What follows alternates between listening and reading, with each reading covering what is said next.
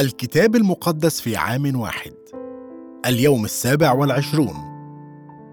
كيف تبقى على المسار الصحيح؟ نحب بيبا وأنا أن نتمشى لمسافات طويلة.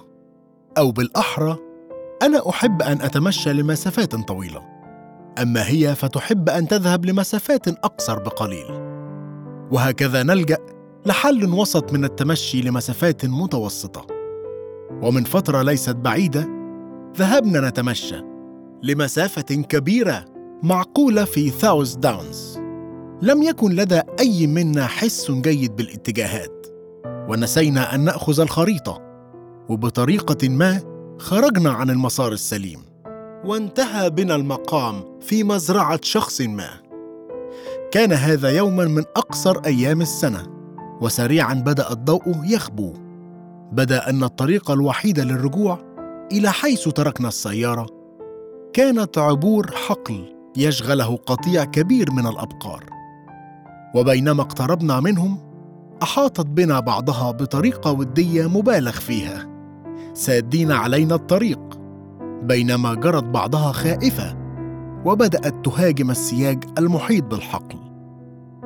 اقتنعنا أننا سوف نسقط في الوحل. بسبب الماشية التي تطاردنا. أو سنتعرض للتأنيب على يد مزارع غاضب بسبب جعل الأبقار الخائفة تهاجم السياج. فقررنا أن نتخذ مخرجا أسرع عبر مصرف وعر وزلق جدا. وكنا قد تخطينا المسافات القصيرة التي تفضلها بيبا في المسير. وبدأ الظلام يحل. وكنا بعيدين عن أي طريق للعودة. لم تبدو الأمور على ما يرام. حمدا لله أننا نجحنا في العثور على مسار يقودنا للعودة. يا لها من راحة. وقررنا أننا سنأخذ معنا خريطة حتما بالنسبة للسير مستقبلا. وأن نلتزم بالمسار السليم. تبين أن الالتزام بالمسار هو أفضل بكثير لأنه يجعلنا قادرين أن نسترخي. وأن نتكلم سويا. وهو الأفضل بالنسبة لعلاقتنا بوجه عام. يستخدم تشبيه طرق الله وسبله في الكتاب المقدس بكثرة الطرق التي تؤدي إلى الحياة. المزمور السابع عشر من عدد واحد إلى العدد خمسة. اسمع يا رب للحق. أنصت إلى صراخي. أصغي إلى صلاتي من شفتين بلا غش. من قدامك يخرج قضائي. عيناك تنظران المستقيمات. جربت قلبي. تعهدته ليلا. محصتني. لا تجد في ذموما لا يتعدى فمي. من جهة أعمال الناس فبكلام شفتيك أنا تحفظت من طرق المعتنف. تمسكت خطواتي بآثارك فما زلت قدماي. اعزم أن تبقى على طرق الله. يقول داود تمسكت خطواتي بآثارك. الكلمة العبرية المترجمة أثارك سبلك تعني حرفيا أثار العجلات. داود مصر تماما أن يبقى على أثار الله. ولكي تبقى على أثار الله عليك أن تراقب قلبك فيما تفكر. جربت قلبي تعهدته ليلا محصتني لا تجد في ذموما. كلماتك ما تقول؟ لا يتعدى فمي. أقدامك؟ الأماكن التي تذهب إليها. فما زلت قدماي. يا رب ساعدني لأبقى على آثارك. كي لا تنزلق قدمي. ساعدني حتى أحرس أفكاري نهارا وليلا. ساعدني لكي لا أخطئ في حقك بأي شيء أقوله أو أفعله. متى الأصحاح التاسع عشر من عدد واحد إلى العدد خمسة عشر. ولما أكمل يسوع هذا الكلام انتقل من الجليل وجاء إلى تخوم اليهودية من عبر الأردن. وتبعته جموع كثيرة فشفاهم هناك. وجاء إليه الفريسيون ليجربوه قائلين له هل يحل للرجل أن يطلق امرأته لكل سبب؟ فأجاب وقال لهم أما قرأتم أن الذي خلق من البدء خلقهما ذكرا وأنثى. وقال من أجل هذا يترك الرجل أباه وأمه ويلتصق بامرأته ويكون الاثنان جسدا واحدا. إذا ليس بعد اثنين بل جسد واحد. فالذي جمعه الله لا يفرقه إنسان. قالوا له فلماذا أوصى موسى أن يعطى كتاب طلاق فتطلقوا؟ قال لهم إن موسى من أجل قساوة قلوبكم أذن لكم أن تطلقوا نساءكم. ولكن من البدء لم يكن هكذا. وأقول لكم إن من طلق امرأته إلى بسبب الزنا وتزوج بأخرى يزني والذي يتزوج بمطلقة يزني. قال له تلاميذه إن كان هكذا أمر الرجل مع المرأة فلا يوافق أن يتزوج. فقال لهم ليس الجميع يقبلون هذا الكلام بل الذين أعطي لهم. لأنه يوجد خصيان ولدوا هكذا من بطون أمهاتهم ويوجد خصيان خصاهم الناس ويوجد خصيان خصوا أنفسهم لأجل ملكوت السماوات. من استطاع أن يقبل فليقبل. حينئذ قدم إليه أولاد لكي يضع يديه عليهم ويصلي فانتهرهم التلاميذ. أما يسوع فقال دعوا الأولاد يأتون إلي ولا تمنعوهم لأن لمثل هؤلاء ملكوت السماوات. فوضع يديه عليهم ومضى من هناك ابقى على آثار الله في علاقاتك. يعد تعليم يسوع عن العلاقات ذا أهمية حيوية بالنسبة لحياتك الشخصية وبالنسبة للمجتمع. في هذه الفقرة يصف آثار الله بالنسبة للحياة العائلية. أهمية الزواج. يسأل الفريسيون يسوع بخصوص الطلاق، لكنه يرد بالحديث عن الزواج. ويرجع لتقرير الخليقة يقتبس يسوع من سفر التكوين مبتدئا بأن قال من أجل هذا يترك الرجل أباه وأمه ويلتصق بامرأته ويكون الاثنان جسدا واحدا تعتبر هذه الآية من سفر التكوين الآية التي تصور خطة الزواج ليس فقط في العهد القديم وبواسطة بولس بل أيضا وبواسطة يسوع المسيح. يتضمن الزواج القيام بصورة علنية بقطع التزام طوال الحياة تجاه شريكك وهو التزام له أولوية تفوق حتى علاقتك مع أبويك وهو التزام يتضمن الاتحاد بالشريك. والكلمة العبرية تعني حرفيا يلتصقان معا. ليس فقط على المستوى المادي البيولوجي بل وعاطفيا ونفسيا واجتماعيا وروحيا. هذا هو السياق المسيحي لاتحاد الجسد الواحد. تعد العقيدة المسيحية للزواج أكثر عقيدة زواج إيجابية وأكثرها إثارة بين العقائد الموجودة. وهي كذلك أكثرها رومانسية من حيث المنظور. إنها تضع أمامنا خطة الله الكاملة.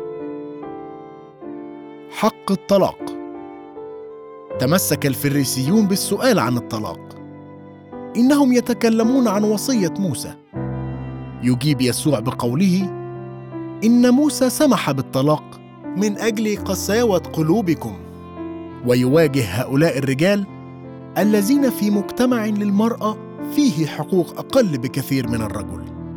وقد استخدموا وبصرامة ما يسمح به الناموس ليبتعدوا بعيدا عن زوجاتهم. يذكرنا سماح موسى بالطلاق بنعمة الله والتعاطف في المواقف التي نعجز فيها عن بلوغ مثله. لكن يسوع يقول أن الطلاق ليس مثاليا البتة. كثيرون ممن اختبروا ألم الزواج المكسور.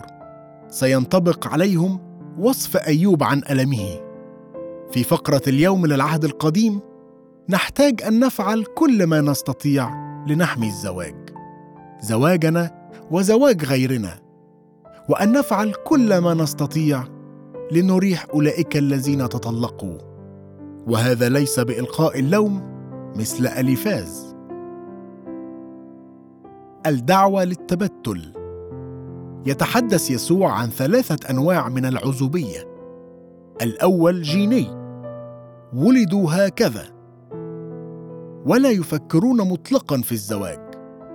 الثاني عزوبية مفروضة وليست طوعيه أولئك الذين لم يسألهم أحد.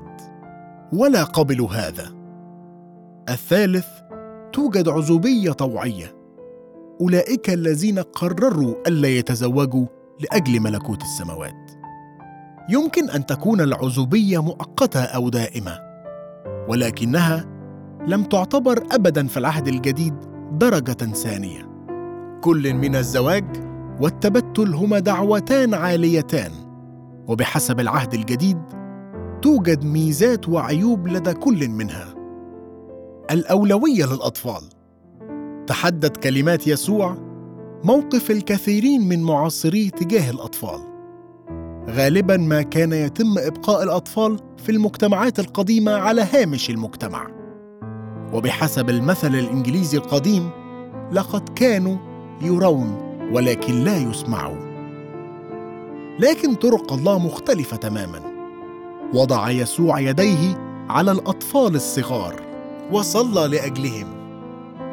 وعندما شعر التلاميذ أنه لا ينبغي أن يتشتت يسوع بسببهم. أجاب يسوع دعوا الأولاد يأتون إلي ولا تمنعوهم لأن لمثل هؤلاء ملكوت السماوات. إنه يبرهن على الأولوية العالية التي ينبغي أن تكون لأطفالنا في حياتنا. بصفتنا آباء من المهم جدا أن نعطي أولوية لأطفالنا وألا نراهم على أنهم مصدر تشتيت لنا عن عملنا أو خدمتنا. وككنيسة نحتاج أن نرى أن أطفالنا وشبابنا لهم الأولوية من حيث المصادر والتسهيلات والمرافق لأن لهم ملكوت السماوات. مثلهم مثل أي شخص آخر. ساعدنا يا رب. في كل من حياتنا الشخصية وكمجتمع. حتى لا نبتعد ونتوه عن آثارك بالنسبة للحياة العائلية. أصلي لأجل بركتك على أولئك الذين يعلمون عن تقوية الحياة العائلية.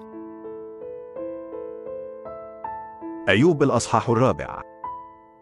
فأجاب أليفاز التيماني وقال إني أمتحن أحد كلمة معك فهل تستاء؟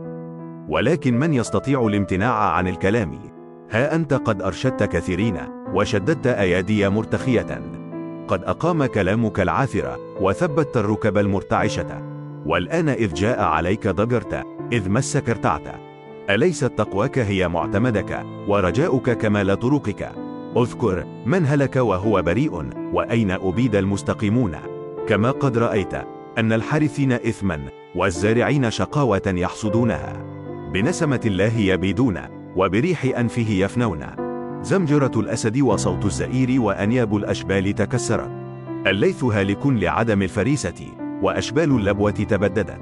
ثم إلي تسللت كلمة فقبلت أذني منها ركزا في الهواجس من رؤى الليل عند وقوع سبات على الناس أصابني رعب ورعدة فرجفت كل عظامي. فمرت روح على وجهي اقشعر شعر جسدي. وقفت ولكني لم أعرف منظرها. شبه قدام عيني سمعت صوتا منخفضا. الإنسان أبر من الله. أم الرجل أطهر من خالقه؟ هوذا عبيده لا يأتمنهم. وإلى ملائكته ينسب حماقة. فكم بالحري سكان بيوت من طين. الذين أساسهم في التراب. ويسحقون مثل العث. بين الصباح والمساء يحطمون. بدون منتبه إليهم إلى الأبد يبيدون. أما انتزعت منهم طنبهم يموتون بلا حكمة. أيوب الأصحاح الخامس. ادع الآن فهل لك من مجيب؟ وإلى أي القديسين تلتفت؟ لأن الغيظ يقتل الغبي والغيرة تميت الأحمق. إني رأيت الغبي يتأصل وبغتة لعنت مربضه. بنوه بعيدون عن الأمن وقد تحطموا في الباب ولا منقذ الذين يأكل الجوعان حصيدهم ويأخذه حتى من الشوك ويشتف الظمآن ثروتهم. إن البلية لا تخرج من التراب والشقاوة لا تنبت من الأرض ولكن الإنسان مولود للمشقة كما أن الجوارح لارتفاع الجناح. لكن كنت أطلب إلى الله وعلى الله أجعل أمري. الفاعل عظائم لا تفحص وعجائب لا تعد. المنزل مطرا على وجه الأرض والمرسل المياه على البراري. الجاعل المتواضعين في العلا. فيرتفع المحزونون إلى أمن. المبطل أفكار المحتالين فلا تجري أيديهم قصدا. الآخذ الحكماء بحيلتهم فتتهور مشورة الماكرين. في النهار يصدمون ظلاما ويتلمسون في الظهيرة كما في الليل. المنجي البائس من السيف من فمهم ومن يد القوي. فيكون للذليل رجاء وتسد الخطية فاها. هو ذا طوبى لرجل يؤدبه الله. فلا ترفض تأديب القدير. لأنه هو يجرح ويعصب يسحق ويداه تشفيان. في ست شدائد ينجيك وفي سبع لا يمسك سوء. في الجوع يفديك من الموت وفي الحرب من حد السيف. من صوت اللسان تختبأ فلا تخاف من الخراب إذا جاء. تضحك على الخراب والمحل ولا تخشى وحوش الأرض.